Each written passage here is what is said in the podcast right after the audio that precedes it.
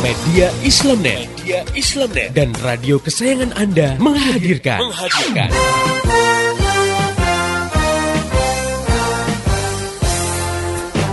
Voice of Islam. Voice of Islam. Voice of Islam. Pastinya di ajang kontes kecantikan itu ada pamer aurat dong. Oh, bener banget, Mbak. Padahal seorang muslimah kan diperintahkan Allah Subhanahu wa taala untuk menutup auratnya ya. Biasanya para kontestan itu kan pasti harus berlenggak-lenggok di hadapan dewan juri. Iya. Dan juga penonton gitu. Padahal dewan juri ataupun penontonnya ini kan nggak semuanya cewek ya. Iya, betul. Malah banyak yang dari kalangan kaum adam gitu kan. Atau mereka dipotret ya oleh juru foto yang juga bukan mahramnya. Udah gitu pakaiannya minim lagi, nggak nutup aurat. Nah ini jelas pelanggaran yang nyata terhadap hukum Islam. Voice of Islam. Misalnya kita punya catat kaki, tapi kaki kita ini membuat kita bisa melangkah ke tempat-tempat ibadah dan majelis-majelis ilmu yang diridhoi Allah. Nah, ini ada artis yang kakinya bagus banget, artis dunia ya. Sampai kaki itu diasuransikan untuk satu kaki aja itu jutaan dolar, berapa miliar itu. Iya. Nah, tapi kakinya buat difoto di mana-mana dipamerkan untuk maksiat ya artinya kaki itu digunakan untuk maksiat gitu Iya. ya itu jelas kan tidak ada gunanya bahkan bisa menjerumuskan ya. Iya. makanya yang namanya fisik itu sudah karunia ya kita harus bersyukur Al-Quran sudah mengingatkan sedikit sekali orang yang bisa bersyukur jadi bisa bersyukur itu itu adalah sesuatu yang sangat mahal Menimbang masalah dengan syariah. Voice of Islam.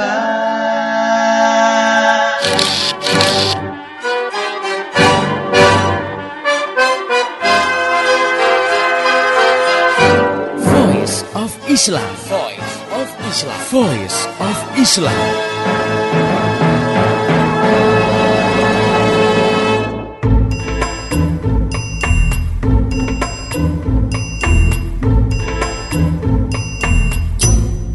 Indonesia, Assalamualaikum warahmatullahi wabarakatuh. Jumpa lagi dengan saya Tresna Sari dalam Voice of Islam. Kerja bareng media Islamnet dengan radio kesayangan Anda ini. Dan insya Allah selama 30 menit ke depan, seperti biasa saya akan menemani ruang dengar Anda dalam rubrik Keluarga Sakinah. Dan di sini saya ditemani oleh seorang pakar yang insya Allah pendengar yang budiman selalu menunggu-nunggu pakar ini yaitu Ustazah Insinyur Ratu Erma Rahmayanti dan beliau adalah pembina Forum Mar'ah Solihah Pusat Pengembangan Islam di Bogor. Baik, kita sapa dulu beliau. Assalamualaikum warahmatullahi wabarakatuh, Ustazah. Waalaikumsalam warahmatullahi wabarakatuh. Bagaimana kabarnya hari ini? Alhamdulillah baik. Ya, alhamdulillah. Baik, pendengar yang budiman, eh, insya Allah kali ini kita akan eh, mengangkat tema tentang nikah siri. Ya, kita tahu menikah dan membina rumah tangga merupakan keinginan semua orang.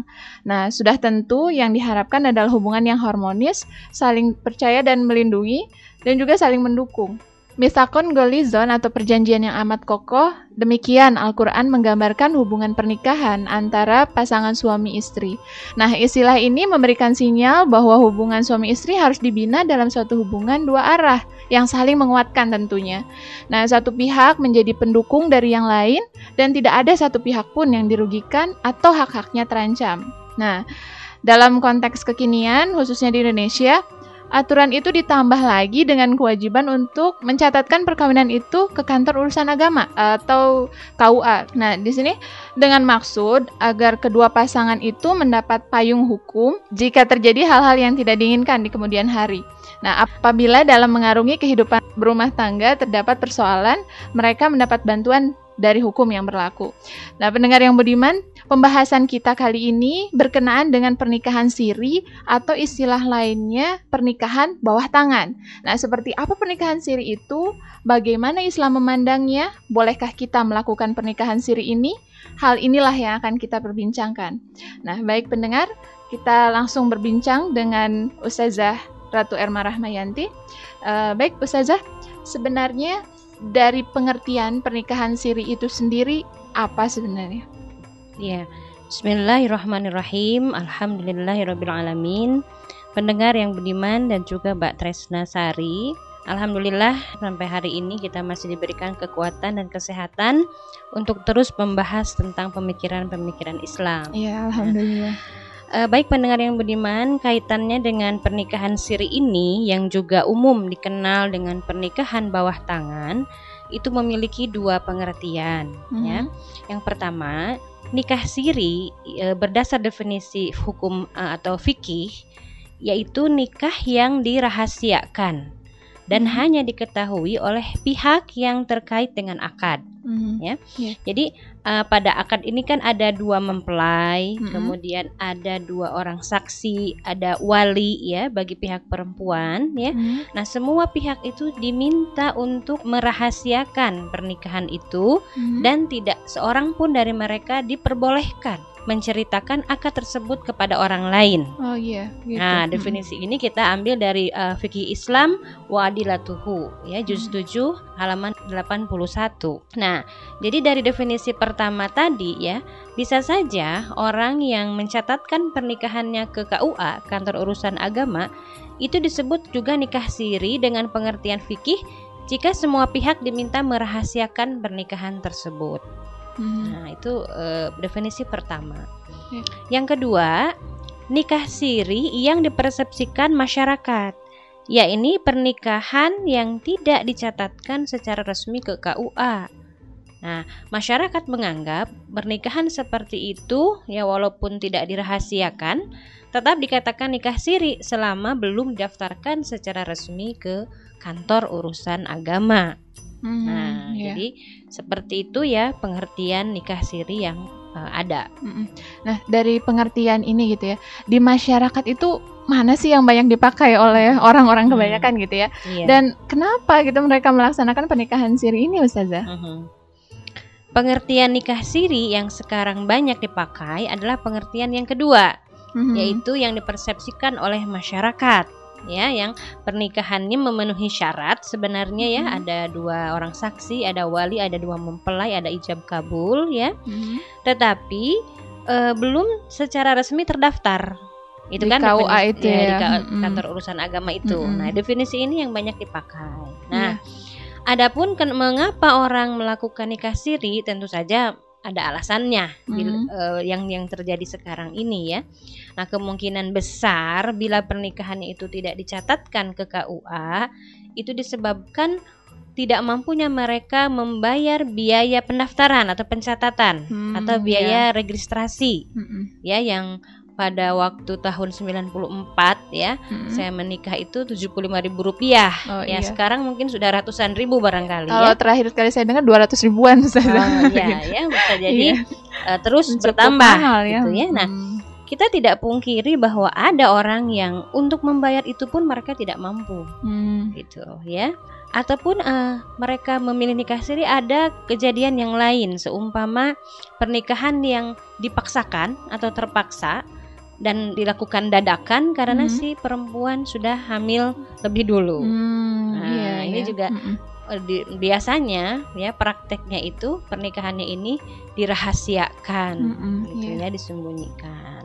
Kemudian kalau hal-hal lainnya ya bisa jadi orang karena alasan adat atau kebiasaan ya yang merasa cukup gitu ya dengan pernikahan yang sudah sah ya Mhm. dipenuhi sy- rukunnya syaratnya dan tidak perlu gitu dicatatkan. Nah, boleh jadi ada yang eh, melakukan itu karena alasan tadi. Mhm, Gitu. ya, karena adatnya itu Ya, ya. ya. Mm-mm. Ini eh, kalau yang alasannya ketidakmampuan karena sebenarnya kan begini nih pada dasarnya ya. Kalau uang ada, prosedur registrasi pernikahan tidak sulit ya. Mhm. Tentunya tidak ada seorang pun yang akan memilih untuk nikah Untuk siri. nikah siri, Ya, ya. pernikahan Mhm. itu kan secara sunatullah merupakan hal yang membahagiakan Iya, bukan siapa pun. menyulitkan gitu ya, Iya, ya. Nah, pastilah semua orang ingin kebahagiaannya ini disampaikan pada Mhm. yang lain. Gitu. Iya, oke. Nah, lalu hukum pernikahan siri itu bagaimana? Apa tetap sah Mhm. atau karena ini masalahnya nggak dicatat gitu ya di Mhm. KUA-nya Mhm. gitu. Mhm. Eh, kalau pengertian nikah siri pertama ya yaitu pernikahannya sah secara hukum syara tapi dirahasiakan. Nah, ini berbeda pendapat ya di kalangan imam madhab itu. Imam Malik mengatakan pernikahan tersebut batal. Hmm. Sebab pernikahan itu wajib diumumkan pada masyarakat luas. Ini pendapat Imam Malik. ya. Mhm. Nah, sedangkan pendapat Imam Syafi'i dan Imam Abu Hanifah ya, eh, beliau menyatakan nikah siri hukumnya sah tapi Mhm. makruh dilakukan. Oh, iya. Nah, ini pengertian yang tadi. Jadi semua pihak diminta untuk merahasiakan. Nah, itu eh, ulama berbeda pendapat Mhm, dalam iya. masalah itu. Nah, tapi apa eh, seperti itu ya pendapat mereka kita dapat ambil kesimpulan bahwa eh, para ulama ini dalam tanda petik keberatan ya Mhm. terhadap pernikahan siri ya. Mengapa? Karena pada prinsipnya ya mengingat sabda eh, Rasulullah SAW ya beliau mengatakan sesungguhnya Rasulullah itu tidak senang pada nikah siri sehingga pernikahan itu dirayakan dengan tabuhan rebana. Mhm. Nah, ini eh, dalam hadis riwayat Imam Ahmad. Nah, jadi Rasulullah sendiri tidak setuju kalau kita ya umatnya memilih pernikahan jenis ini Mhm. gitu, Nikah siri ini ya. Ya. dan dalam hal ini Nabi Muhammad SAW sangat menganjurkan untuk mengumumkan pernikahan kepada masyarakat luas ya Mhm. sebagaimana sabda beliau yang eh, lain pada riwayat Imam Tirmi Ahmad dan Tirmizi beliau mengatakan alinu hadan nikah waj'aluhu fil masajid wadribu alaihi bidufuf Mhm. Nah, Rasul mengatakan, "A'linu beritahukanlah hadan nikah pernikahan ini. Waj'aluhu fil masajid. Dan jadikanlah pernikahan itu atau diselenggarakan di masjid gitu ya. Waj'aluhu fil masajid itu. Wadribu alaihi bidufuf coba juga di, eh, disertai dengan ditabuhnya dufuf ya rebana. Mhm. itu kalau dalam praktek masyarakat Betawi ya eh, masih ya eh, Mhm, yang- Nikahnya rame banget kan ya. ya eh, ada tabuhan remana tapi Mm-mm. dalam beberapa praktek masyarakat adat dia juga masih digunakan hal seperti itu namun kan sekarang kebanyakan sudah berganti dengan organ tunggal Mm-mm, iya. atau dengan live Mm, musik live ya musik band dan dan lain-lain nah jadi eh, pada dasarnya ya eh, sesuai dengan anjuran Rasul itu harus diumumkan. Nah, eh, sekarang selanjutnya, kenapa harus diumumkan? Karena di samping sebagai pemberitahuan atas berlangsungnya pernikahan, ya, juga terkandung maksud agar masyarakat menjadi saksi dalam tanda petik, ya, Mhm. atas adanya ikatan antara dua pasang eh, manusia tersebut Mhm. gitu ya. Nah, masyarakat kan jadi tahu bahwa bahwa mereka itu telah terikat dalam pernikahan yang sah. Nah, dengan segala konsekuensinya tentunya ya. Nah, jadi jika ada pihak yang nanti melanggar komitmen pernikahan ya, minimal masyarakat dapat memberikan ya sanksi moral lah gitu Mm-mm. kepada pihak yang melanggar karena mereka mengetahui bahwa si fulan dan fulana ini sudah menjadi suami istri gitu. Mhm. Iya. Ya ini eh, hal yang dapat kita lihat dari pernikahan yang memang secara sunnah Rasulullah itu harus diumumkan. Mhm, Iya, iya. Subhanallah ya pendengar yang budiman. Sebelum kita lanjutkan perbincangan selanjutnya, baiknya kita dengarkan lagu yang berikut ini. Tetap setia di Voice of Islam. Saat dua hati berjanji Untuk arungi hidup di jalannya Allah kan berkahi mereka Kala dalam doa Kala dalam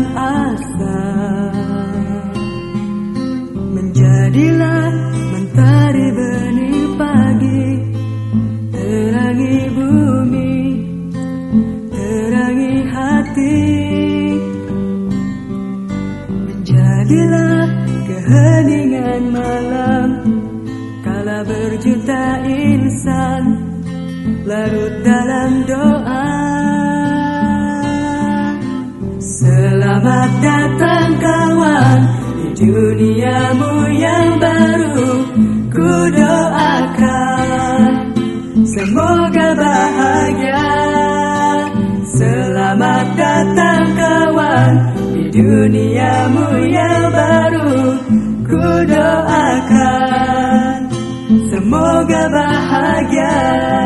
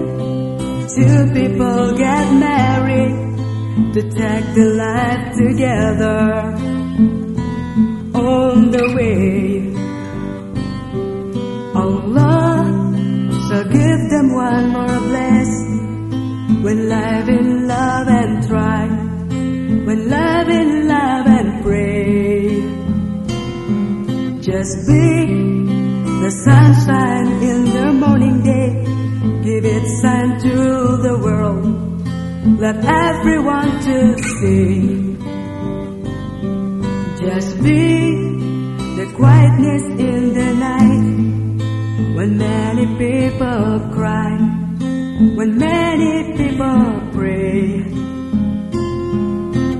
Welcome to the world, my friends. You both have to face all in love. All I could do just pray, and I do, I pray. Welcome to the world, my friends. You have to face all in love. All I could do just pray, and I do, I pray. Masih di Voice of Islam, kerja bareng Media Islamnet dengan radio kesayangan Anda ini. Pendengar yang budiman, eh, hari ini kita sedang mengangkat rubrik Keluarga Sakinah dengan tema Nikah Siri.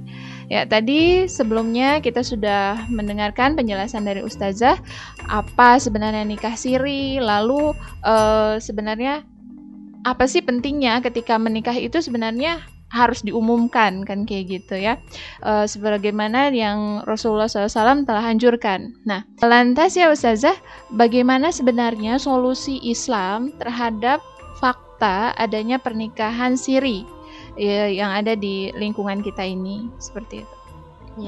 Bismillahirrahmanirrahim. Baik pendengar yang budiman dan juga Mbak Tresna ya. Nah, eh, kalau sekarang terjadi praktek pernikahan siri ini, maka kita perlu melihat apa yang menyebabkan mereka yang memilih pernikahan itu melakukan hal tersebut. Jadi, akar masalah dari adanya nikah siri ini harus kita temukan terlebih dulu. Ya, nah. Nah, kalau dilihat dari faktanya ya, eh, memang pernikahan siri ini nih ya yang mungkin sekarang banyak dilakukan itu tidak bisa diselesaikan oleh eh, individu atau oleh keluarga yang bersangkutan saja. Ya nah kenapa? Karena bila yang terjadi itu adalah alasan orang menikah siri karena tidak mampu membayar biaya pencatatan atau registrasi Mhm. gitu kan? Nah pertanyaannya Memangnya siapa yang menetapkan biaya registrasi sebesar itu yang ternyata tidak bisa dijangkau oleh semua orang? Mhm. Nah, itu kan bukan individu atau bukan keluarga yang menetapkan eh, jumlah biaya itu. Ya. Dan pertanyaan berikutnya, mengapa banyak orang tidak bisa menjangkau biaya tersebut? Siapa yang membuat mereka menjadi miskin sehingga tidak mampu membayar biaya? Mhm. Seperti itu.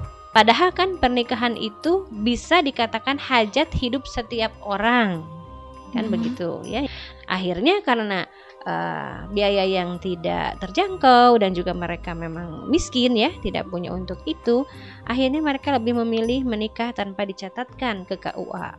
Nah, ini harus ditelaah ya eh, peristiwa-peristiwa ini gitu alasan-alasan tersebut. Nah belum lagi juga ya memang ada kebiasaan masyarakat ya yang merayakan pernikahan dengan pesta-pesta yang cenderung ya mewah Me- terlalu itu kali mewah. ya. Mhm. ya nah sehingga jika pernikahan tidak dipestakan seperti itu akan menurunkan derajat atau mengganggu prestise sebuah keluarga Hmm, yang akhirnya daripada menanggung malu jadi pernikahan dilakukan secara diam-diam saja. Diam-diam saja. Iya. Nah, Mhm. ini ini kondisi dua-dua kondisi yang eh, turut ya me- membuat orang memilih untuk menikah siri. Mhm, Nah, iya. itu satu hal. Yang kedua, juga dengan fenomena eh, orang menikah siri karena si perempuan hamil duluan. Sehingga untuk menutupi malu, ya, keluarga melakukan pernikahan tersembunyi. Mhm. Nah, sekarang juga pertanyaannya siapa Yang yang, membuat. membuat remaja sekarang jadi bergaul keluar batas? Iya. gitu Mhm. ya sampai eh, hamil. Kemudian siapa juga yang membiarkan rangsangan nafsu syahwat kaum muda ini menjadi tambah bergelora ya Mm-mm. banyaknya rangsangan-rangsangan itu ya nah kenapa film-film komik majalah porno yang merangsang eh, birahi itu kok dibiarkan Hmm, Nah, dan iya. segudang pertanyaan lainnya. Nah, semua fakta persoalan ini kan tidak bisa ditanggulangi oleh individu, ya, Mm-mm. hatta masyarakat. Ya, walaupun masyarakat juga tidak bisa. Nah, dilihat dari jenis persoalannya, tentu yang bisa menyelesaikan ini adalah mereka yang punya otoritas kewenangan untuk mengatur kehidupan masyarakat. Nah, dan eh, ini tentu saja siapa lagi kan kalau Iya, bukan pemerintah. Nah, jadi ya untuk menyelesaikan fenomena nikah siri ini juga tidak bisa hanya sekedar diinformasikan bahwa nikah siri itu batil atau membawa pada satu resiko umpamanya. Ya. Tidak cukup hanya dengan himbauan atau informasi-informasi saja ya. Tetapi harus diselesaikan dengan cara meningkatkan ketakwaan individu. Ya, kalau itu persoalannya nikah karena hamil duluan Mhm, iya. ya. Nah, kemudian meningkatkan kepedulian masyarakat terhadap persoalan kemiskinan. Kalau eh, Karena mereka punya uang oh, gitu yang ya. tidak bisa membayar dan tetangga misalkan tahu ya, eh, ya dibantulah Mhm. iuran ya supaya mereka bisa mencatatkan ya Iya. uh, pernikahannya misalnya. Nah, juga eh, meningkatkan eh, apa namanya kepekaan masyarakat ya dalam memberantas pergaulan bebas, maraknya porno aksi pornografi dan sebagainya. Nah, di Hmm. samping itu pemerintah pun harus memenuhi kebutuhan setiap individu masyarakat ya kebutuhan yang tadi hajat hidup eh, Orang orang banyak. itu Mm-mm. ya dan juga pemerintah harus menegakkan sanksi terhadap orang-orang yang melanggar aturan. Ya, jadi yang penting adalah selesaikan dulu apa yang menjadi akar masalah dari munculnya nikah siri ini. Itu Mhm. yang penting harus kita pahami. Iya. Nah, eh, apa namanya sekarang itu juga ada ya bu ya. Jadi akhirnya ada nikah massal tuh ya, Hmm. karena tadi awalnya itu mereka nikah siri. Hmm. Hmm.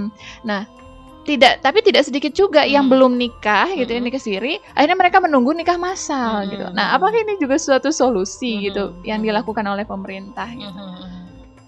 Setahu saya hal ini juga dilakukan kebanyakan itu oleh LSM Hmm. ya oleh lembaga swadaya masyarakat atau oleh yayasan-yayasan tertentu yang memang melihat ini eh, persoalan eh, apa nyata yang yang di depan mata gitu di depan Mhm. mata mereka ya dianggap persoalan. Nah, dan kemudian mereka ini membiayai kan registrasi beberapa pasang ya Mhm. mereka yang menikah cukup dan ada yang sudah cukup lama yang sudah Iya, punya anak Udah dewasa ya anak. dan Iya. besar juga sudah. Mm-mm. Saya kira ini bukan solusi yang tepat ya, solusi yang jitu. Mm-mm. Ya, ini kalau kita bicara eh, perbaikan secara keseluruhan ya, Mhm. secara sistemis gitu ya. Mm-mm. Karena yang penting adalah bahwa eh, pemerintah ini perlu melakukan edukasi ya kepada para pemuda-pemudi yang nanti mereka mau masuki jenjang pernikahan ya, bahwa pernikahan itu suatu hal yang perlu dipersiapkan dengan baik dan matang gitu Hmm. ya, membutuhkan eh, pengorbanan ya, baik materi maupun eh, moral ya, dan juga eh, mereka harus siap dengan seperangkat aturan yang eh, berdasarkan pada konsekuensi mereka keimanan terhadap Allah itu harus menjalankan kewajiban-kewajiban ya Hmm. dalam pernikahan dan juga memenuhi hak-hak pasangannya gitu. Jadi ini yang sekarang perlu dilakukan adalah sosialisasi pendidikan yang baik dan benar tentang pernikahan, dan, Pernikahan dan itu. membuat persepsi pernikahan yang yang sesuai dengan dengan dengan syariat Islam. Hmm, Ya. iya. Jadi pernikahan jangan dijadikan eh, momok ya atau jangan dipersulit ya atau juga sudah dianggap tidak sakral dan lain-lain. Nah, Mm-mm. ini ini, ini Iya. harus segera di, di- dihilangkan Mm-mm. ya. Jadi walaupun tadi dilakukan eh, pernikahan massal yaitu solusi yang sifatnya eh, insidental dan juga skupnya itu kecil Terbatas gitu ya, terbatas ya. gitu. Mm-mm. Dan Iya. bukan solusi yang jitu. Ya, oke. Eh, lalu Ustazah dalam kehidupan masyarakat gitu ya di mana hukum Islam diberlakukan secara kafah, nah memungkinkan tidak munculnya pernikahan siri ini? Mhm, ya. Nah, eh, Islam, aturan Islam ini eh, mengatur urusan pernikahan mulai dari pra ya pra pernikahan prosesnya dan setelah akad ya selesai Mhm. ya nah tidak ada ketentuan bahwa pernikahan itu boleh disembunyikan itu tidak Iya. ada dan pertanyaan juga untuk apa gitu dia disembunyikan itu Diam-diam itu ya. Ya. Mm-mm. kan sebagaimana hadis tadi bahwa pernikahan itu sunnahnya diumumkan bahkan Imam Malik mengatakan itu wajib gitu Mm. ya nah eh, meski memang caranya tidak harus dengan pesta besar-besaran yang cenderung tabzir tadi yang mubazir ya. Karena disinggung juga eh, dalam sebuah hadis Rasul mengatakan bahwa seburuk-buruk hidangan adalah hidangan pesta yang hanya untuk orang-orang yang Iya, orang mampu saja gitu. Bukan untuk fakir miskin Iya. gitu ya. Nah eh, lalu bagaimana eh, mengair Islam eh, menggambarkan ya nah cukup diberi- diberitahukan kepada orang yang memang mampu dijangkau oleh keluarga tersebut artinya ya sesuai gitu. kemampuan lah Mhm. ya kalau dia mampunya mengundang 200 orang skupnya RW ya itu yang Mhm. dilakukan dia tidak tidak harus kemudian dengan mengundang 1000 orang eh, dengan keterpaksaan ya. Mhm. gitu ya hutang sana hutang sini dan dan lain-lain gitu nah ya jadi itu yang Islam tuh menggambarkan seperti itu dan kemudian juga kalau memang pernikahan siri itu karena pergaulan bebas Mhm. Islam itu sudah jauh-jauh hari melakukan tindakan preventif agar muda-mudi ini tidak terjerumus kepada pergaulan bebas ya Mhm. jangankan sampai hamil ya untuk berdua-duaan saja gitu eh, bergandengan tangan saja ya yang itu merupakan muqaddimatu zina eh, apa namanya eh, Bener. preambul pra- persiapan menuju zina ya Mm-mm. eh, berduaan pegang-pegangan dan sebenarnya itu sudah saja tidak sudah dilarang Larang. Mm-mm. gitu ya. Nah, jadi kecil kemungkinan ya sangat sangat tidak ada peluang lah ya bahwa eh, pernikahan siri yang diakibatkan karena malu ya karena pergaulan bebas itu tidak akan terjadi gitu Iya. ataupun karena misalkan tadi tidak punya biaya ya dan lain itu tidak tidak akan terjadi gitu. Nah, sekarang pertanyaannya bagaimana pernikahan yang dicatatkan di KUA ya. Nah, Mhm. Islam memandang itu perkara yang mubah atau Hmm, boleh ya. iya. Jadi boleh saja pemerintah menetapkan aturan itu ya dengan maksud untuk mendaftarkan warganya yang sudah menikah Mhm. dan diberi surat tanda telah menikah atau Mm-mm. dikasih buku nikah Iya. gitu ya. Nah, nah ini sama halnya dengan bolehnya pemerintah menetapkan aturan bahwa semua warga harus punya kartu identitas atau KTP gitu ya Mm-mm. di kita sekarang. Nah, ini untuk kepentingan administrasi ya atau pencatatan. Nah, ini tidak jadi masalah ya bahkan mungkin membawa pada kemudahan dan kebaikan ya. Nah, kemudian juga di sisi lain pemerintah tidak boleh mempersulit urusan pernikahan. Jadi harus dipermudah ya. Ya. Nah, juga ini yang harus diingat bahwa janganlah pernikahan ini di- eh, dijadikan ajang bisnis ya, Mhm. Iya. memungut dana dari masyarakat untuk kepentingan sekelompok orang Mhm. ya. Apa yang dikhawatirkan orang sekarang ya kalau eh, pernikahan tidak dicatatkan nanti membawa resiko pada perempuan khususnya ya kalau di kemudian hari nanti terjadi apa-apa gitu ya Mhm. kegoncangan rumah tangga. Nah, dia tidak dapat menuntut suami kan untuk memberi nafkah pada anaknya kalau eh, ketika bercerai itu dia tidak dikabulkan karena nggak ada pencatatan kan di Hmm, awalnya begitu. Iya. Mhm. Nah, ya.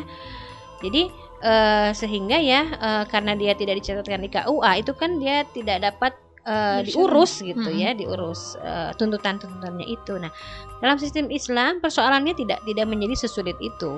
Mhm. Ya, nah, eh, dengan adanya eh, pengakuan atau sumpah ya serta adanya saksi ya yang saksi ini bersumpah di depan penguasa bahwa perempuan tersebut telah menikah dan dia mendapatkan kezoliman dari suaminya Mhm. Nah, maka eh, hakim atau penguasa tadi berhak mengambil tindakan tegas pada suaminya itu. Hmm, Hmm, gitu ya. jadi Mhm.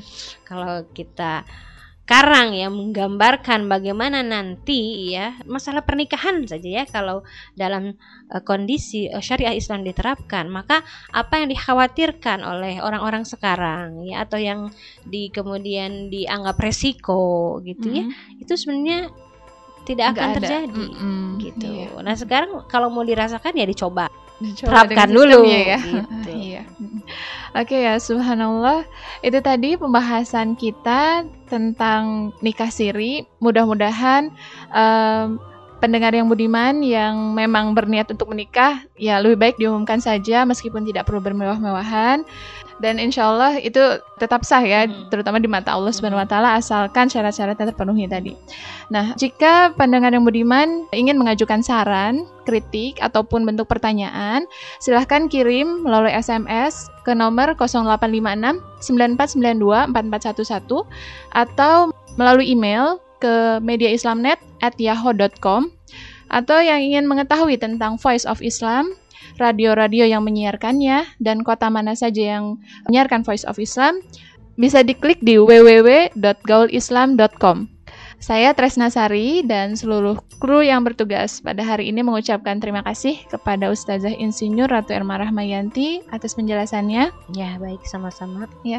dan juga pendengar yang budiman yang telah setia mendengarkan Voice of Islam kali ini. Dan esok hari insya Allah Voice of Islam akan kembali di gelombang dan waktu yang sama. Pesan saya, sampaikan apa yang Anda dengar pada hari ini kepada yang lain agar rahmat Islam segera tersebar termasuk di kota Anda yang tercinta ini. Mari menimbang masalah dengan syariah. Assalamualaikum warahmatullahi wabarakatuh. Demikian tadi Voice of Islam. Voice of Islam. Semoga hikmah yang terkandung bermanfaat untuk kita semua. Amin amin amin ya robbal alamin. Kembali bisa Anda dengarkan Voice of Islam. Voice of Islam menghadirkan topik-topik seputar kehidupan kita esok hari di waktu dan gelombang yang sama.